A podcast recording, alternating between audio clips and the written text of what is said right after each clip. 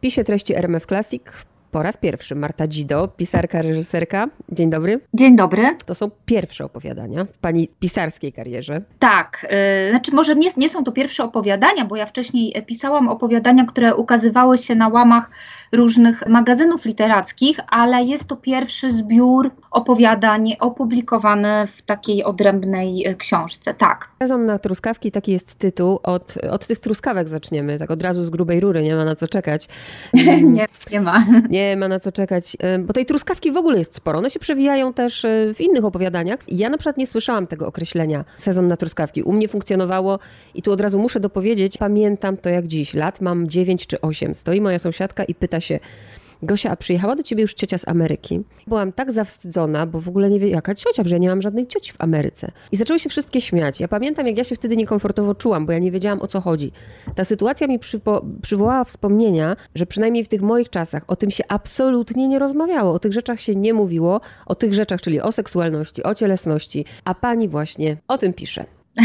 No właśnie dlatego o tym piszę, bo to był temat omijany y, i nie tylko w rozmowach, i nie tylko w kulturze, on był też omijany w literaturze. Jak się pojawiały jakieś y, opisy zbliżeń czy intymności, bliskości między dwojgiem y, ludzi, to często albo to były jakieś takie przypadkowe sceny, ozdobniki e, gdzieś tam w drugim planie funkcjonujące, albo bardzo wulgarne, brutalne sceny, tak zwane erotyczne, bo ja bym ich erotycznymi nie nazwała, które jakoś budziły moją odrazę. I czułam, że, że tego brak, czułam, że tego w literaturze brakuje i brakuje nam mówienia o ciele, o seksualności. I rzeczywiście ten sezon na truskawki to określenie, które bohaterki jednego z opowiadań wymyślają właśnie, żeby nie mówić, ciocia z Ameryki przyjechała i żeby nie wzbudzać w sobie tego zawstydzenia i zażenowania.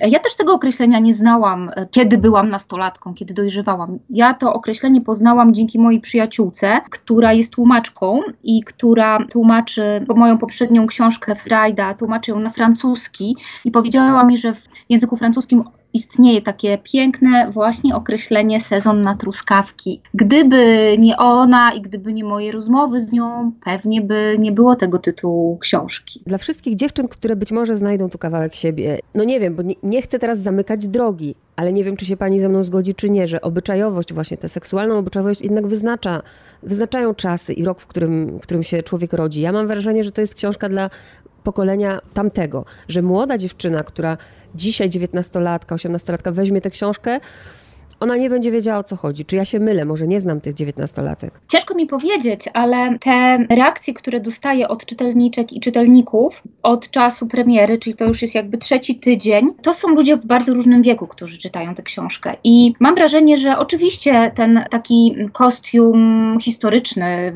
bym tak go nazwała, no bo jednak umiejscowienie akcji w latach 80., 90., czy końcówce lat 40., to jest kostium historyczny. On jest zrozumiały dla pewnie jakiejś grupy czytelników i, i takie kody kulturowe mogą być po prostu nieodczytane przez dzisiejszych dwudziestolatków, natomiast emocje, pragnienia, pożądania, jakieś marzenia, to są rzeczy ponadczasowe i wydaje mi się, że na tej płaszczyźnie właśnie emocjonalnej ta książka może być czytana też przez ludzi innego pokolenia, młodszych, starszych.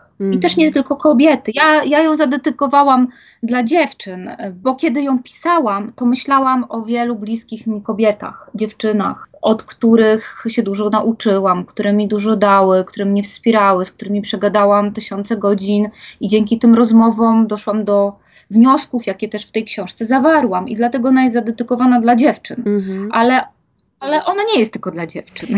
E, oczywiście, że tak. I też dla tych, które będą mamami, byłyśmy wręcz w takiej kulturowej opresji, bo nikt, e, przynajmniej w tamtym świecie, a jeszcze jesteśmy, żyjemy w Polsce, żyjemy w kraju katolickim, gdzie tak naprawdę seks uprawiasz e, tylko po to, żeby, i to po ślubie oczywiście, tylko po to, żeby mieć dziecko. U pani bohaterki są, one już są z innego świata, bo one już w tamtym czasie żyją w harmonii, w zgodzie ze swoim ciałem. Tak, żyją. I ja myślę, że ja bym nie powiedziała, że one są z innego świata. One są z naszego świata. One są z takiego świata, oczywiście on jest, jest to Polska, jest to kraj katolicki, są w nim różne opresje, od których próbujemy uciec mniej lub bardziej skutecznie, z których próbujemy się wyzwolić. To nie jest też taki czarno-biały świat, w którym e, nikt nie ma dostępu do wiedzy na temat e, swojej seksualności. Ja pamiętam e, czasy, w których no, nie było jeszcze internetu i nie można było sobie wpisać w wyszukiwarkę Google Sex i zobaczyć tam wielu filmików, artykułów i zdjęć, ale pamiętam czasy, w których były takie czasopisma jak e, Dziewczyna i Bravo Girl i rubryczka Mój pierwszy raz. Stamtąd się czerpało wiedzę, tam się szukało. Oczywiście tej wiedzy wiadomo, że jej nie było w szkole, nie było jej na lekcjach mhm. religii, nie było jej. E, no też e, był problem z nazywaniem pewnych spraw, z rozmawianiem, z taką otwartością.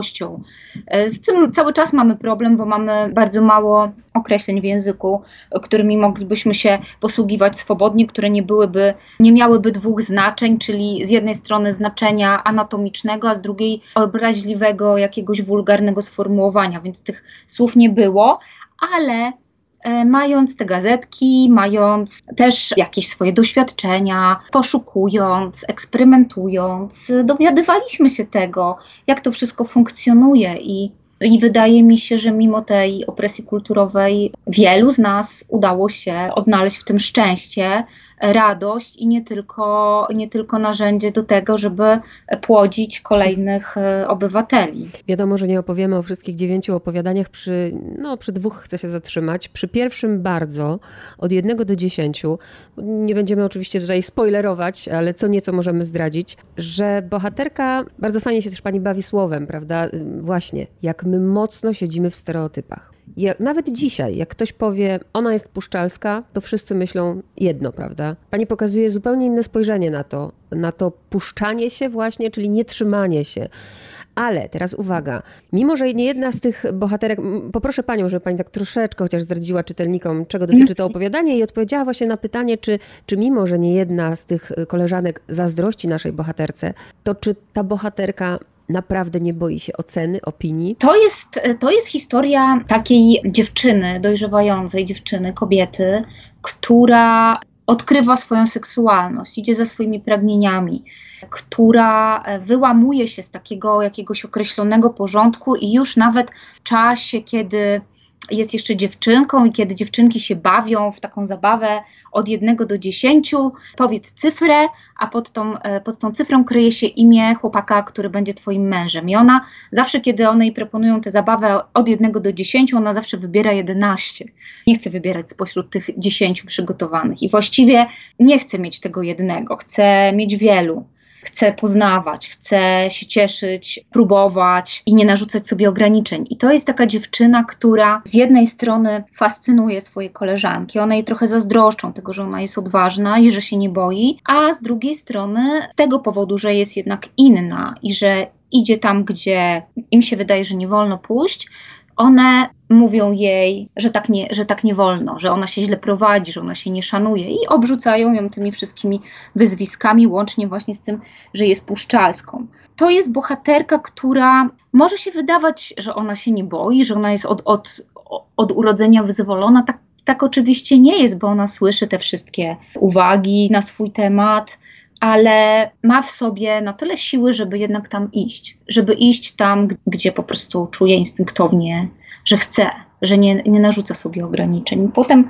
okazuje się po latach, że, że właściwie bohaterki, które ją spotykają, też miały w swoim życiu różne momenty i też miały ochotę się hmm, źle prowadzić, tak mhm. to ujmując, i też miały ochotę się puścić, puścić, czyli nie trzymać się tych wszystkich kulturowych, stereotypowych ról, które nam narzucono. To jest taka historia o wyzwalaniu się, o takiej drodze do bycia sobą, do akceptacji i właśnie. do tego właśnie, żeby przełamać, te, przełamać ten taki podział, który też oczywiście on tkwi w płci, bo o dziewczynie można powiedzieć puszczalska i ją obrazić i ją zawstydzić, a nie słyszałam, żeby ktoś powiedział o chłopaku, że jest puszczalski. Mm, jak pani tu powiedziała to słowo akceptacja, tak niezmiernie ważne, bo ja już poszłam dalej i zaczęłam się zastanawiać, kiedy ona zrobiła już później jako artystka tę wystawę, czy, czy to jest właśnie możliwe. Tak, wybiera wolność i, i, i też pokazuje jakby swoją e, postawą i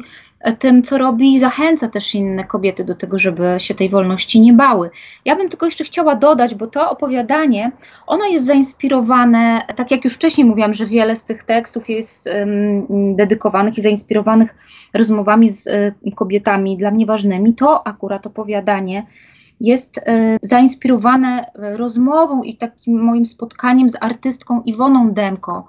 Iwona Demko E, mówi o sobie, że jest e, artystką waginistką i ona tak jakby od lat stara się odzyskać takie hmm, należne w świecie e, miejsce piękne dla waginy. Rzeźbi te waginy, robi z nich pracę, wystawy i ona któregoś razu zrobiła taką pracę, którą nazwała trofea.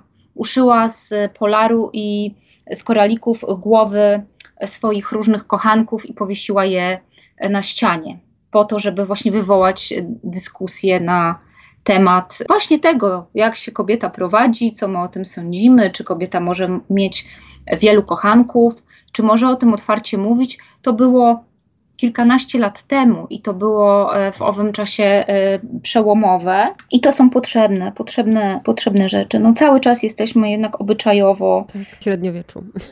średnio, nie chciałam tego mówić, że w średniowieczu, chciałam powiedzieć, że na początku drogi albo gdzieś tam może 100 lat temu.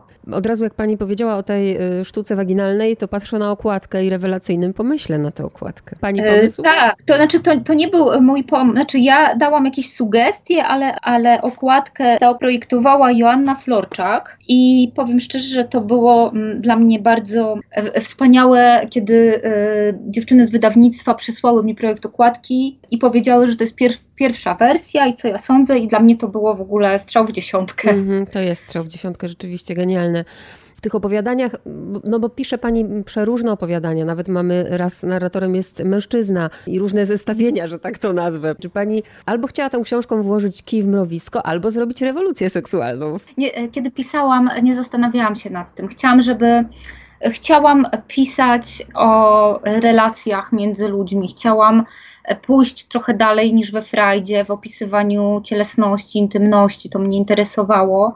Nie miałam poczucia, że muszę mm, odhaczyć jakieś tematy, czy że muszę e, opisać jakieś konkretne formy bliskości między ludźmi, że ma być, nie wiem, relacja e, homoseksualna albo relacja taka, śmaka, owaka. Po prostu starałam się napisać o pragnieniach, o marzeniach i to opowiadanie e, tytułowe Sezon na truskawki, w którym piszę o takiej fascynacji erotycznej między przyjaciółkami, które znają się od dzieciństwa, dorastają razem i w pewnym momencie, kiedy zaczynają dojrzewać, e, dzieje się między nimi coś, czego nie do końca co nie do końca mm, są w stanie zrozumieć, co, co jest bardzo silne, e, co mają wrażenie, że mm, może być źle odebrane, nie wiedzą jak, jak postąpić.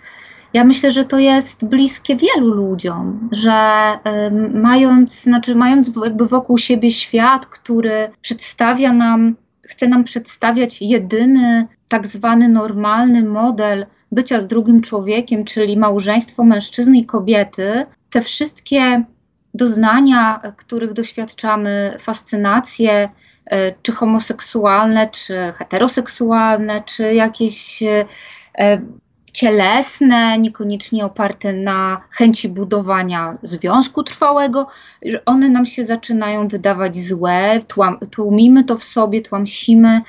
E, myślę, że z, wie, z wielką szkodą, bo jeśli nie robimy nic złego nikomu, jeśli nie krzywdzimy innych, to dlaczego mamy po prostu nie zaznać bliskości z drugim człowiekiem. Tego nie rozumiem i myślę, że to chciałam przekazać. A jeśli ta książka będzie taką jakąś małą cegiełką, małym kamyczkiem do e, tego, żeby się ta rewolucja seksualna wreszcie wydarzyła w naszym kraju, to ja będę bardzo, bardzo szczęśliwa, bo uważam, że wreszcie czas na to, że były momenty w naszej historii, w czasie na przykład walki sufrażystek polskich o prawa wyborcze, w momencie, kiedy Zofia Naukowska żądała całego życia i zaczynała dyskusję o swobodzie seksualnej o równości obyczajowej dla kobiet i mężczyzn, czy Irena Krzywicka, która otwarcie mówiła o seksualności kobiet i starała się też nauczać o antykoncepcji. Były takie momenty jeszcze przed, y, przed wojną. Zaczynało się tutaj w naszym kraju coś dziać, ale później nastąpiło wiele dziesięcioleci jakiegoś takiego spowolnienia, a nawet wycofania się w ogóle z tego, więc Mam nadzieję, że ta książka będzie takim kamyczkiem. Tak, mam taką nadzieję, że, że ta książka, że dzięki tej książce młode mamy będą przede wszystkim rozmawiać ze swoimi córkami. W moim pokoleniu po prostu się o tym nie rozmawiało i jakakolwiek wiedza na temat seksualności, tak jak już powiedziałyśmy, to było brawo, prawda, i mój pierwszy raz. Pani pokazuje, że i ciało nasze jest elementem po prostu naszego życia i nawet w tym rozdziale Luna, co przecież jest jawnie krytykowane przez Kościół, y, pani też mówi, nie, masturbacja nie jest niczym złym. No, nie jest, nie jest, nie jest niczym złym. Myślę, że no właściwie zastanawiam się, dlaczego by miała być czymś złym kiedy nie robimy nikomu krzywdy, kiedy zaznajemy przyjemności, kiedy poznajemy swoje ciało, możemy się go uczyć. E, dzięki temu, że go się e, będziemy uczyć, to bardzo możliwe, że stworzymy szczęśliwsze relacje w dorosłym życiu e, z innymi osobami, bo nie będziemy miały czy mieli zahamowań, czy jakichś obszarów, które uznamy za wstydliwe, albo że, że się czegoś boimy i uważamy, że to jest złe. Ja myślę, że rozkosz seksualna jest czymś pięknym i jest, jest czymś, co może być takim elementem po prostu takiego szczęścia w życiu. To jest, I to jest właściwie tak naprawdę coś, co, co możemy mieć niezależnie od naszego, nie wiem, za, z, z, naszych zasobów e, finansowych, od wykształcenia i, i od naszego, nie wiem, miejsca zamieszkania. Po prostu ciało jest nasze. I to, mhm. i, to bym, I to bym chciała podkreślić, że to ciało, nie, ono nie należy do nikogo innego, możemy z nim robić co chcemy. I jeśli będzie źródłem przyjemności, no to, to super. Jeśli chcemy je e, wytatuować, to jest tylko i wyłącznie nasza decyzja. Jeśli chcemy sobie, nie wiem, e, je przekuwać i mieć kolczyki w różnych miejscach, jakby. Mm, to jak najbardziej robi Pani rewolucję, bo w tych tak, czasach to tak, właśnie słyszymy, że ciało nie należy do nas. Mm, pokazuje Pani po prostu bardzo różne perspektywy i mam na myśli ten moment, który myślę zrozumie każda matka, tego bycia jednym, prawda? Opisu, jak, jak rodzi się dziecko. Tak, ono jest bardzo ważne, bo też pokazuje, że ta brama raju, która w innych opowiadaniach jest po prostu częścią ciała, która daje nam seksualną przyjemność, że jest w tym akurat opowiadaniu jest takim, takimi drzwiami do świata, że to jest tędy wychodzimy na świat, tędy, tędy się rodzimy i to jest jakby też e, element naszej e, cielesności, też naszej seksualności. To jest opowiadanie tak z pozoru inne, ale ono jest bardzo, bardzo połączone z innymi. Tak, tak. E, bo też mówi o więzi, też mówi o relacji. To jest rzeczywiście inna relacja, bo to jest relacja, w której jest się jednym ciałem, a później się rozdziela na te dwa ciała, ale cały czas ta pępowina, która jest potem już niewidzialna, ale, ale symboliczna i ją czuć, czyli ta więź e, matki z dzieckiem, ta pępowina, którą się co jakiś czas trzeba ją znowu odciąć, przeciąć, bo dziecko idzie samo w świat i trzeba to dziecko puścić w ten świat, dać mu wolność. Z drugiej strony jest to, ta pępowina, ona się nigdy nie kończy, bo nawet jak to dziecko jest dorosłe i jest w tym świecie, to ta więź cały czas jest. Patrzę do podziękowań, pisałam te opowiadania między listopadem 2019 a grudniem 2020 w różnych miejscach, w których miałam własny pokój. Dosłownie i od razu myślę o własnym pokoju Virginia Woolf. I patrzę w ilu miejscach pani była i, i tworzyła te opowiadania i się tak też zastanawiam nad językiem, bo no dobra, zadam to pytanie wprost. Że ja pąsowieję, jak czytam takie rzeczy. Ja się zawstydzam. Czy pani też miała z tym problem? Ja mam takie wrażenie, że ta książka no to jest jakby taki trochę kolejny krok po frajdzie, kiedy eksploruję tę tematykę. Z każdym kolejnym opowiadaniem, które pisałam, miałam wrażenie, że się coraz bardziej wyzwalam. Że yy, nie, nie zastanawiam się, czy ktoś się zawstydzi Nie zastanawiam się, czy, czy ja się wstydzę. Po prostu czuję, że to jest dla mnie ważne, że to jest y, część y, jakby y, część cielesności, być może nieopowiedziana, być może jest tematem tabu, ale jest na tyle istotna, że chcę jej oddać głos. I starałam się oddać ten głos. Y, oczywiście to nie było łatwe, bo znaleźć słowa do opisania tej całej gamy doznań w sposób taki, żeby to nie było żenujące, żeby to nie było wulgarne, żeby to nie było y, zniechęcające czytelników. Nie było to łatwe, ale dzięki temu, że byłam w tych różnych miejscach, właśnie z tym własnym pokojem i rzeczywiście to były miejsca z dala od miasta, blisko przyrody, o różnych porach roku i miałam okazję po prostu tę przyrodę obserwować w taki sposób, w jaki wcześniej przez lata nie miałam okazji, bo mieszkam w dużym mieście i moje tempo mojego życia było zawrotne, a teraz się zatrzymałam.